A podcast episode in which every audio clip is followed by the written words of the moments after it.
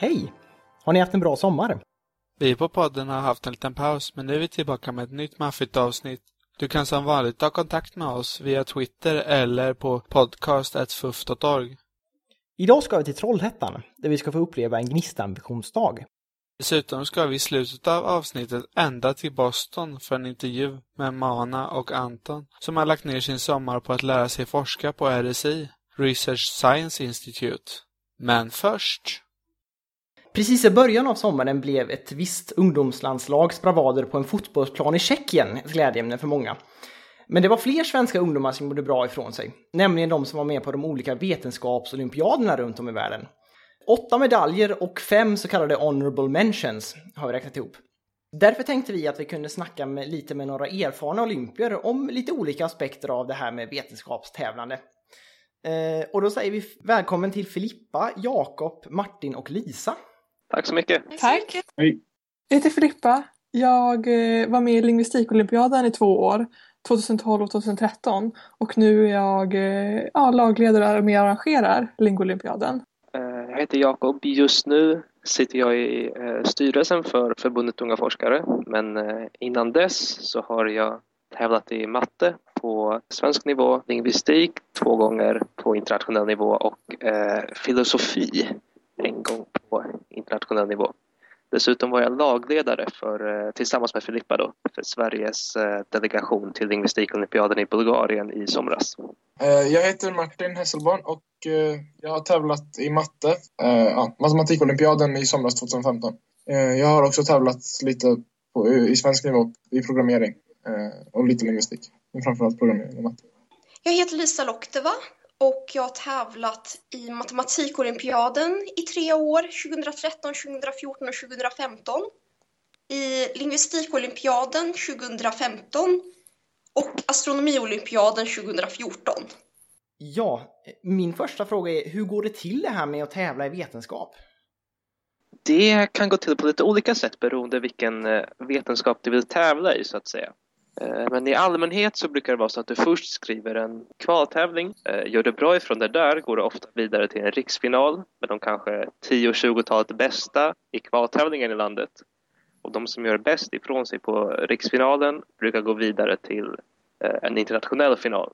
Hur, om man tar matte då till exempel, hur kan ett eh, typiskt problem se ut? Till skillnad från ett vanligt problem som löser i skolan så är de här problemen mycket svårare. Du vet inte från början hur du ska lösa det. Du ska inte egentligen ha sett något som liknar det problemet förut. Så det handlar inte om att räkna, utan det handlar om att lösa problem. Att eh, klara av att trots att man från början inte vet vad man ska göra, att lista ut det. Inom filosofin så eh, skriver du en uppsats. Du får fyra stycken ämnen eller frågor att besvara. Så väljer du en av dem eh, och sen så får du fyra timmar på dig att skriva en uppsats om den. Ett problem i lingvistikolympiaden ser ett standardproblem skulle se ut så att man kanske får några meningar på något okänt språk, typ kan det vara något, ett inuitspråk eller något afrikanskt språk. Man får några meningar på det språket och så får man översättningarna på svenska. Man kanske ska para ihop dem då, se vad betyder vad. Och utifrån det ska man sedan kunna svara på lite fler frågor om språket, eller att man ska göra ännu fler översättningar kanske. Jag upplever att det är få grejer som man kan få en sån eh, adrenalinkick av som att lösa ett problem. Att eh, ja, livet leker upplever jag det som. Men eh, på li- lingvistikolympiaden då är det fem problem man ska ta sig igenom. Så att om man har klarat ett så är det bara fyra kvar. Man har sex timmar på sig. Alltså man ska inte tro att sex timmar är lång tid. Det går fortare än man tror. För när man sitter där och ett problem tar en eller två eller tre timmar så känner man snarare tidsbrist. Men man går in i liksom en, någon typ av problemlösningsbubbla upplever jag det när man skriver de här eh, när man löser de här problemen att det, det, vad som händer i världen runt omkring spelar ingen roll. Det är liksom jag och de här problemen. En fråga jag är lite intresserad av, eh, som Lisa sa förut, att tanken är att man inte riktigt ska veta vad problemen går ut på när man kommer till tävlingslokalen. Eh, hur gör man för att förbereda sig inför något sånt? Då är det ju så att det finns fyra olika sorters problem. Eh, det finns algebra, geometri, kombinatorik och talteori. Och eh, det är olika metoder man ska använda inom de olika områdena oftast. Som sagt, man använder olika sorters metoder och när vi tränar inför det här eh, så får vi lära oss några tumregler för vad man ska tänka på. Och då brukar de vara separata för de olika områdena. Till exempel i geometri så ska man leta efter cykliska fyrhörningar och det går inte att göra i något av de andra områdena.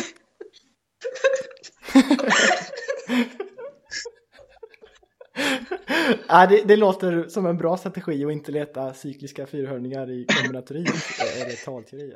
Hur är liksom känslan att vara med och tävla i en olympiad? Det är en ganska fascinerande känsla egentligen att skriva liksom tester och för första gången se att även om man inte spelar eh, fotboll eller är jätteduktig på basket så kan man ändå liksom gå vidare i tävlingar, man kan få utmärkelser, man kan uppleva någon slags prestige för alla de här små nördigheterna som man tvingats gömma under hela sin skolgång. Om man går långt i tävlingarna så lär man känna folk så väl. Att man, man träffar kompisar som har eh, samma intressen. Det kan vara väldigt härligt, speciellt om man saknat det tidigare under skoltiden. Att det faktiskt finns någon man kan chatta med som också, ja men ska vi inte lösa ett problem tillsammans? Om man åker på internationella olympiader så får man också en reseupplevelse. Att man får åka ut i världen, se nya ställen. Så det känns eh, väldigt bra att man får se världen. Och inte bara det som Lisa säger, att man, man får se många ställen, utan man får också man får en helt annan kontakt med människor från andra kulturer. Här har man ändå ett gemensamt intresse som, som förenar en. Därför kan man börja prata med folk från Nordkorea. När vi var i Peking så, så började vi prata med kineser och fråga om hur det är i Kina. Eh, man kan komma mycket närmare folk på ett helt annat sätt. Eh, det är också en, eh, en, en viktig sak med de här internationella tävlingarna. Det står ju i deras stadgar att de ska inte bara främja utvecklandet av vetenskapen utan också eh, samarbetet mellan länderna. Och precis som eh, den vanliga olympiska spelen, att, att länderna ska mm, med fredliga liksom, förhållanden tävla mot varandra på ett vänskapligt sätt istället för eh, på ett krigfullt sätt. Eh, och det, det, märks när man är på olympiaden att folk är vänliga mot varandra. Och till exempel Sydkorea och Nordkorea som är i krig officiellt, de kunde ändå prata med varandra på tävlingen. Det, här, det har en väldigt förenande effekt på världens länder i oro, oroliga tider. Ni pratar mycket om att det känns häftigt att vara bäst i Sverige liksom. Eh, men inte det en press också när man kommer till de internationella tävlingarna att nu har jag blivit utvald här av massa duktiga ungdomar och jag ska representera landet här. Hur hanterar man det? I matte så är det så att vi har haft en så extremt tuff och, och utförlig liksom, eh, uttagning till vilka som är med i laget. Så när man väl är med i laget tror jag att alla känner sig ganska säkra på att man faktiskt förtjänar sin plats där. Eh, och sen vet man att det är lite tur vilka uppgifter man får, om de passar en eller inte. Eh, och eh, lite dagsform och sånt där. Så även när man får ett dåligt resultat eh, så vet man att ingen annan hade kunnat vara säker på att få ett bättre resultat. Filippa och Jakob har varit lagledare. Är det någonting man pratar om med deltagarna? Eh, som lagledare har man väl som lagledare inom idrotten också en, eh, en motiverande funktion och en, och en ansvarstagande funktion. Att både coacha deltagarna vad gäller deras lingvistiska kunskaper eh, men också deras tro på sig själva. För det är extremt lätt att man blir knäckt när man, när man börjar hänga med de andra deltagarna och, och prata med dem och märker hur skarpa de faktiskt är och hur vilken Särskilt som att man ofta kommunicerar på engelska då och om man sätter sig ner med amerikanerna då brukar man känna sig helt underlägsen. Eh, man hänger liksom inte med någonstans. Är detta med vetenskapstävlingar större eh, ute i världen? Är det någonting ni har någon uppfattning om? Eller jag kan bara tala utifrån eh, lingvistikolympiaden där jag har varit med. Och där upplever jag att, eh, att lingvistikolympiaden tas på mycket större allvar i, i USA, i Kina, i, eh, även i många länder i Östeuropa. Och jag upplever som jag får höra det på, eh, när man är på Lingvistikolympiaden och pratar med de internationella att de har varit med i väldigt många fler kvaltävlingar och försökt kvalificera till mycket. Det är på något sätt att det, det är finare. Det är fint att tävla i vetenskap i andra länder. I Sverige är det lite i skymundan, skulle jag vilja säga.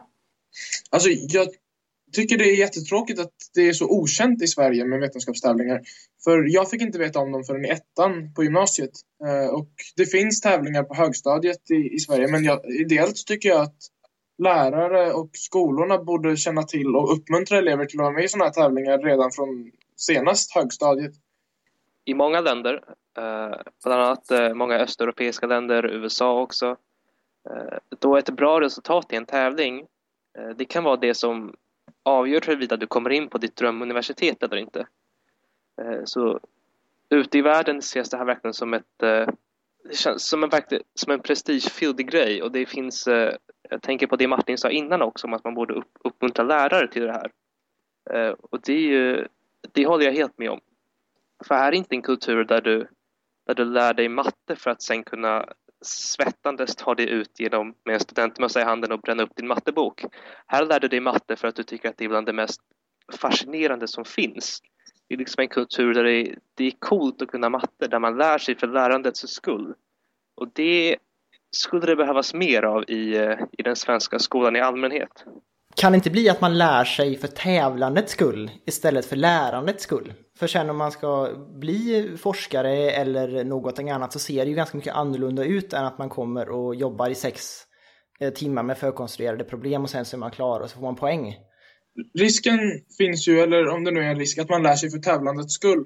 Men eh, för min del så hade alternativet varit att jag inte hade lärt mig eh, så mycket överhuvudtaget. Nördstämpeln är ganska stor. Om man är duktig på någonting i grundskolan så uppmuntras det inte utan snarare tvärtom. Men när man kommer i kontakt med tävlingarna så finns det en helt ny värld där man kan uppmuntras till att bli bättre och eh, för min del har det betytt väldigt mycket. Jag hade aldrig, eh, ens, jag hade aldrig skrivit en enda rad programmering om det inte varit för tävlingarna och jag hade absolut inte varit så här bra på matte och jag hade inte varit i Thailand. Vad har ni för visioner för vetenskapstävlingarna i framtiden? Att alla ska vara med. Att alla ska känna, alltså jag tycker att alla ska känna till dem. Definitivt att alla lärare ska känna till dem och att de ska ge sina bästa elever chansen att vara med i dem. För det, jag tror det finns väldigt många personer ute i Sverige som inte känner till vetenskapstävlingarna som hade kunnat vara med och som hade kunnat komma till nationell final. Vi har en väldigt stark idrottsrörelse i Sverige eh, och min dröm var att vetenskapstävlingsrörelsen såg likadan ut och det verkligen förankras så att, så att om man säger till mormor på släktmiddagen att nej nu ska jag, måste jag iväg på på matteträning, eh, då är inte det konstigt, då är bara det naturligt för folk vet att man, man kan tävla i vetenskap. Eh, och det är en helt vanlig men sjukt cool grej. Men nu ska vi tillbaka en aning i tiden till strax innan sommaren. Då hade Gnistan visionsdagar där de deltagande eleverna fick visa upp sina idéer för att lösa mänsklighetens energiutmaningar. Vi åkte till Trollhättan med vår mikrofon i högsta hugg.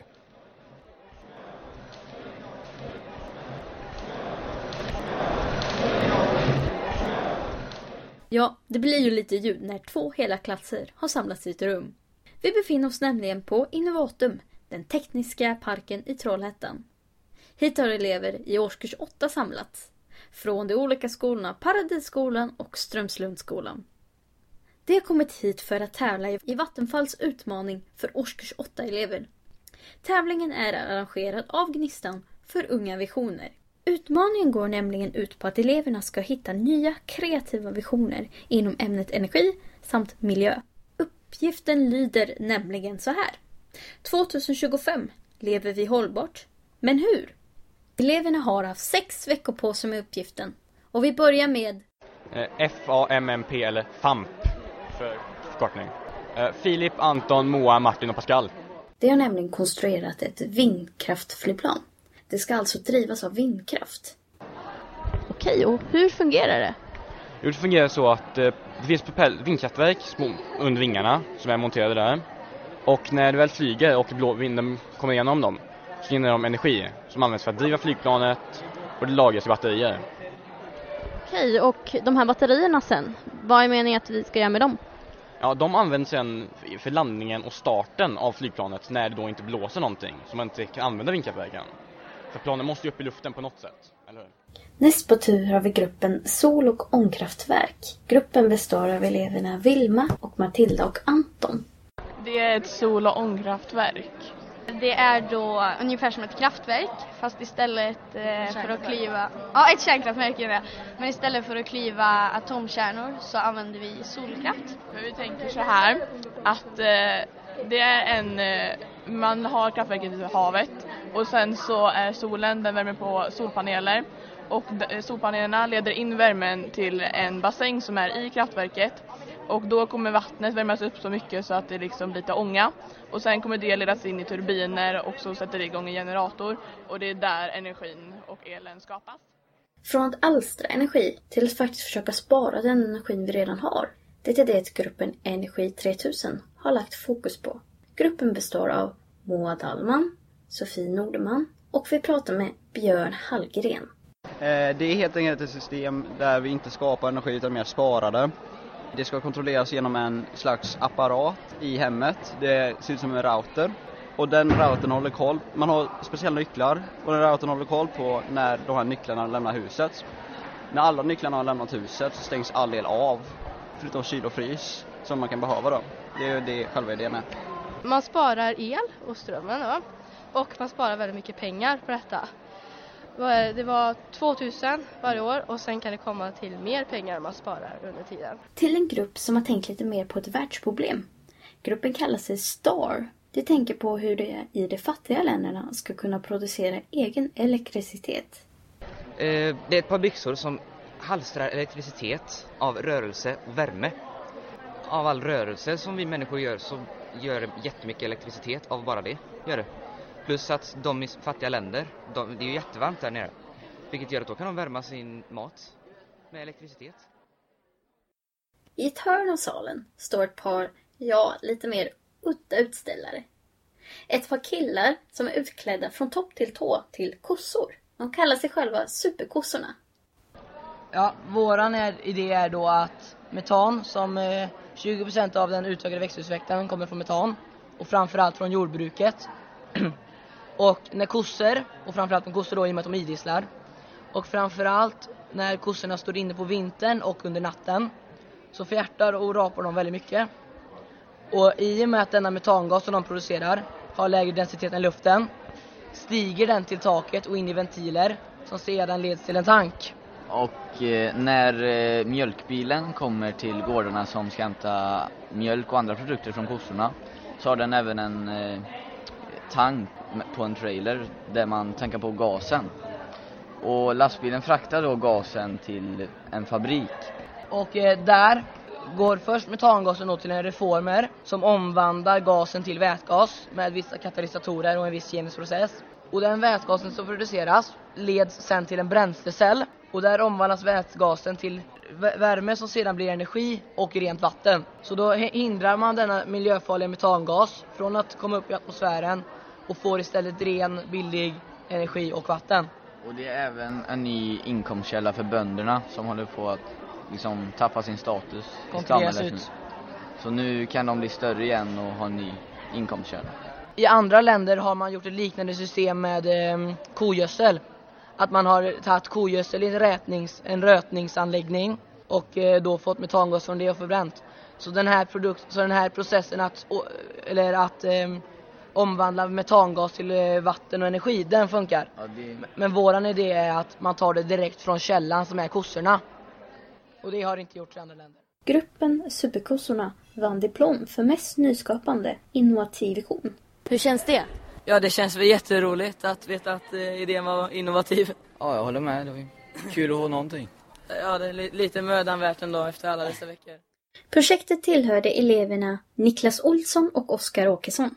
Nu vidare till en annan grupp som också vann diplom. De vann för mest hållbar idé. Med oss så har vi Kajsa och Cassandra. Med projektet Sladdis. Vad är det för något ni har gjort? Vi har gjort en, ehm, det ska, det ska liksom innehålla i en vanlig sladd och det ska då vara signaler som skickas fram och tillbaka mellan eh, apparaten då. Och eh, Den ska då, det finns väldigt mycket i eh, våra hem som står på standby-läge och laddare som bara sitter i eh, eluttaget utan att de används. Mobiler som laddas även fast de är fulladdade och så vidare. Ja, och eh, då ska signalerna känna av det då och eh, inte utsända någon el till det som inte används och eh, Ja, och när mobilen är fulladdad så ska det sluta utsöndra el för den ska känna av det. Och när, eh, när laddarna bara sitter i eluttagen så utan att de liksom används så ska det inte tillföra någon el då för den ska, signalen ska känna av detta. Det tjänar man jättemycket el och pengar på. I Trollhättan till exempel på ett år tjänar man 22 miljoner kronor. Så det blir väldigt mycket pengar i slutändan. Här ser jag att ni har konstruerat eh, någonting. Vill ni förklara vad det är för någonting? Ja, det är då en eh, sladd som har blivit skuren i hälften kan man säga. Så att det är där elektronerna går och eh, där signalerna ska gå då. Vi bytte även några ord med Jeanette Olausson, lärare för årskurs 8 på Paradisskolan. Första frågan var, hur hade dessa sex veckor varit egentligen? Fantastiskt roliga eh, och utvecklande. Började med kaos och ur detta kaos så kom de här fantastiskt fina idéerna. Så att jag är så imponerad utav mina elever. Och vad hon som lärare tyckte om Vattenfalls uppgift? Jättebra. För att den var väldigt öppen. Det blev inte mina åsikter som blev det viktiga utan det blev elevernas idéer. Sen kunde jag hjälpa till som lärare med att förklara hur vissa fenomen fungerar och sådär och hur de kan tänka kring det. Men idéerna är helt och hållet elevernas. Gnistan har haft det öppet för skolor med årskurs 8-elever att anmäla sig till tävlingen. Tävlingen tar en liten extra tid från elevernas ursprungliga skoltid. Jeanette berättar varför det ändå vill ge sina elever en chans i tävlingen. Jag fick reda på det här projektet utav en eh, annan NO-tekniklärare som tipsade mig om det här och då kände jag absolut att vi ska vara med på det här, det här ska vi inte missa. Det verkade vara en bra grej och de hade erfarenhet sedan förra året, en väldigt positiv erfarenhet. Hur tycker du att eleverna angrep utmaningen? Har de tyckt det var svårt eller var det bara kul? Olika i olika grupper, för naturligtvis så handlar det om gruppdynamik också. Eh, Vissa grupper hade väldigt svårt att komma igång men när de väl kom på en idé så blev det superbra. Vissa grupper hade idén klar för sig ganska direkt och eh, kunde börja jobba med en gång. Eh, men jag tycker man ska titta på slutresultatet och där är jag, alla grupper fick ihop en idé, alla grupper har tränat på en bra presentation. Så jag är supernöjd med mina klasser i alla fall. Vi återvänder till Trollhättan om ett tag, men först ska vi en bit därifrån, nämligen till Boston. Där hölls i somras sommarforskarskolan RSI, Research Science Institute. I sex veckor fick ungdomar från hela världen lära sig den fina konsten att forska. De svenska representanterna hette Mana och Anton. När Mana och Anton svarar är klockan halv åtta hos dem. Jag heter Anton Möller från norra delarna av Sverige. Ja, och jag heter Mana Shams och um Eh, jag är 19 år och kommer från södra Sverige, eh, Jönköping. De sitter i ett gemensamt rum på ett dormitory i Boston där de bor och de flesta andra sover. De är inne på sin sista vecka av RSI. Um, så RSI, Research Science Institute, det är en sex veckor lång sommarforskarskola där man, uh, man blir tilldelad ett forsk forskningsprojekt uh, här i Boston, Cambridge-området, uh, som man då får jobba med under fyra av veckorna de fyra veckorna i mitten av programmet. Och då har man under första veckan fått ta lektioner i ämnen man valt själv, eh, bland annat då biologi, kemi, fysik, matematik. Det är lite mer som en förberedningsvecka inför Precis. allt som väntar. Föreläsningar jag gick på eh, så berättade en, fysik, eh, fysikforskare om sin forskning om solpaneler och solceller det var väl mer inriktat på att liksom väcka intresset hos oss. Eh, bjuda in liksom forskare och, som får berätta och inspirera mm. snarare än liksom den typiska lektionen. Ja, man satt inte med en bok och jobbade med uppgifter utan det var väldigt så generellt om biologi och fysik. Och, eh... Sista veckan skriver man sedan en rapport. Men huvudparten är som sagt att jobba med ett forskningsprojekt i fyra veckor. Jobbar ni med samma projekt eller har ni varsitt? Vi har olika projekt. Mm. Eh, mitt handlar då om eh, det är inom biologi. Det jag gör är att eh, det är soldater som har varit i krig, antingen i Irak eller Afghanistan. Och sen när de återvänder så kommer de hem med antingen en hjärnskada eller mer kroppsliga skador. Och eh, det jag ska göra nu är att se eh, om de här soldaternas hjärnor skiljer sig från de soldaterna som inte har några hjärnskador utan som bara kommer hem med fysiska skador. Tittar du på bilderna med ögonen eller använder du datorer på något sätt? Precis, jag använder, de har skannats på magnetkamera um, och så tittar jag på de här bilderna och analyserar och gör väldigt många olika steg för att liksom förbättra kvaliteten på de här hjärnorna. Alltså det, är hela, det är en väldigt lång process. Um, men ja, alltså kort så kollar jag på mm, hjärnorna på datorn. Och Anton, vad har du gjort? Um, så mitt projekt har varit i, inom astrofysik. Um, jag har tittat på aggregationsdiskar runt svarta hål.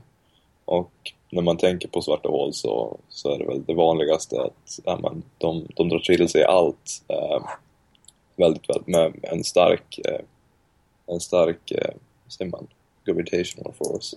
Eh, ja, vi har glömt, glömt svenska. ja, i alla fall.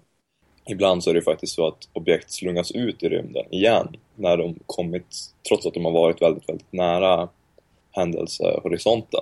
Och mitt projekt har väl varit att modellera, eller att ta reda på vilka mekanismer och krafter som faktiskt initialt driver det här, eller initialt eh, slungar ut partiklarna. Vi har ju använt full eh, allmän relativitetsteori. Det är en gedigen studie vi har gjort faktiskt, som vi kommer att publicera också som en riktig artikel hur känns det att jobba med sin första vetenskapliga artikel när man knappt har gått ut gymnasiet? Eller ja, det har du ju gjort nu, men... Eh, ja, eh, nej men det, det, är lite speciellt. Eh, det känns bra eh, och det känns ju bra att man faktiskt får, får publicera sina resultat, att man faktiskt har, har sysslat med någonting som, som ingen annan har. Anledningen till att Mana och Anton befinner sig där de gör är att de var med på utställningen Unga forskare tidigare i år.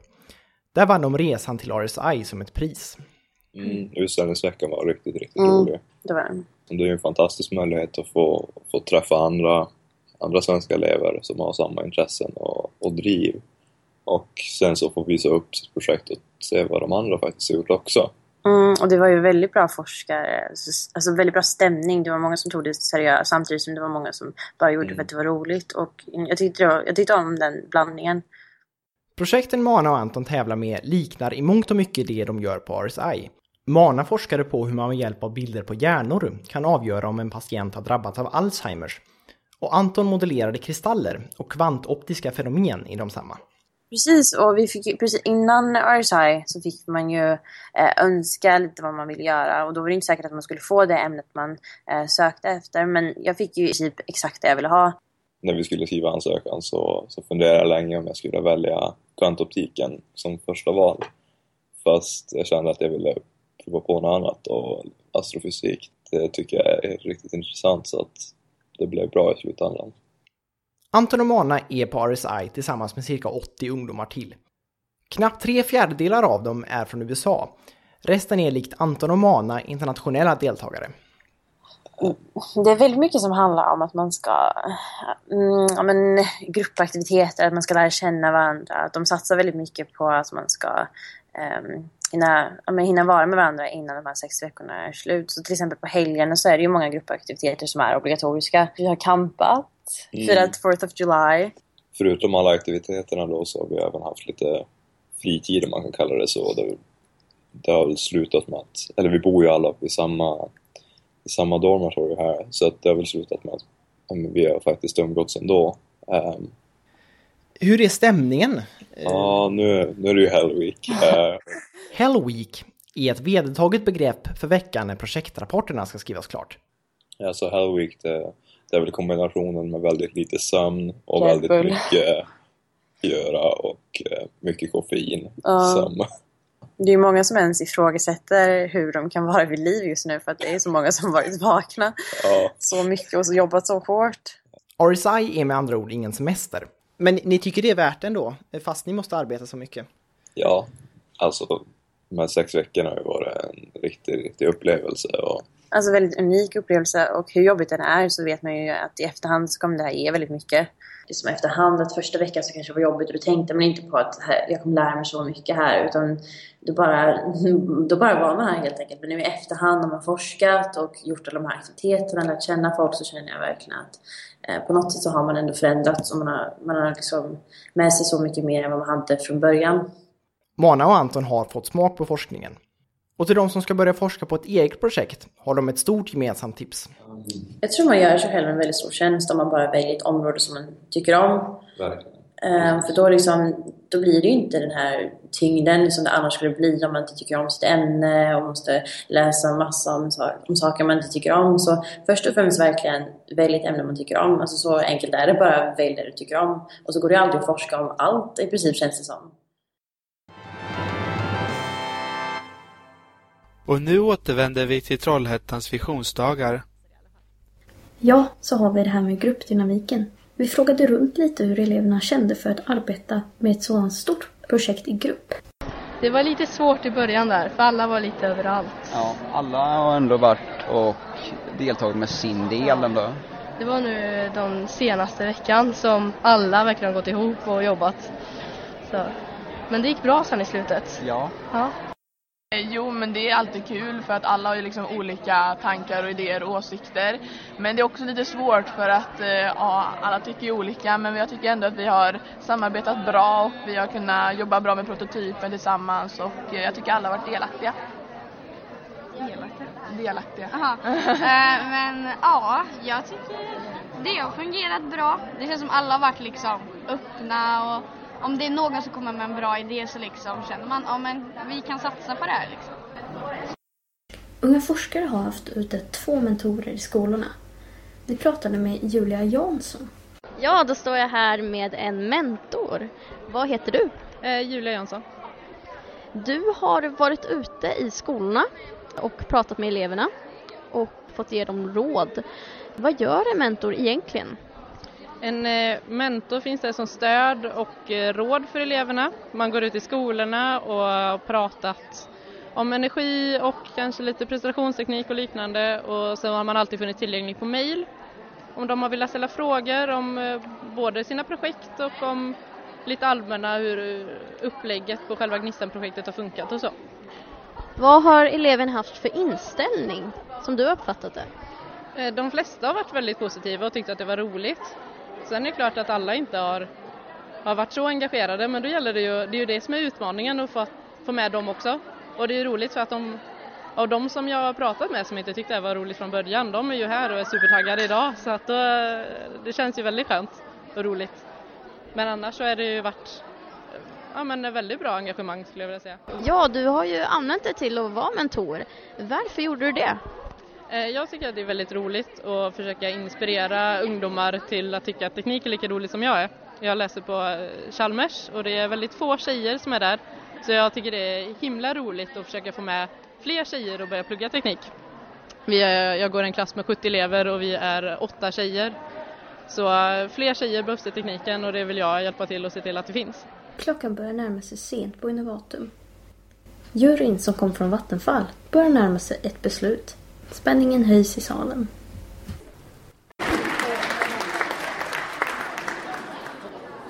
Ni två grupper som inte har ropats upp här som var inne och gjorde en extra presentation. Ni förstår att det är mellan er det står nu, första och andra pris.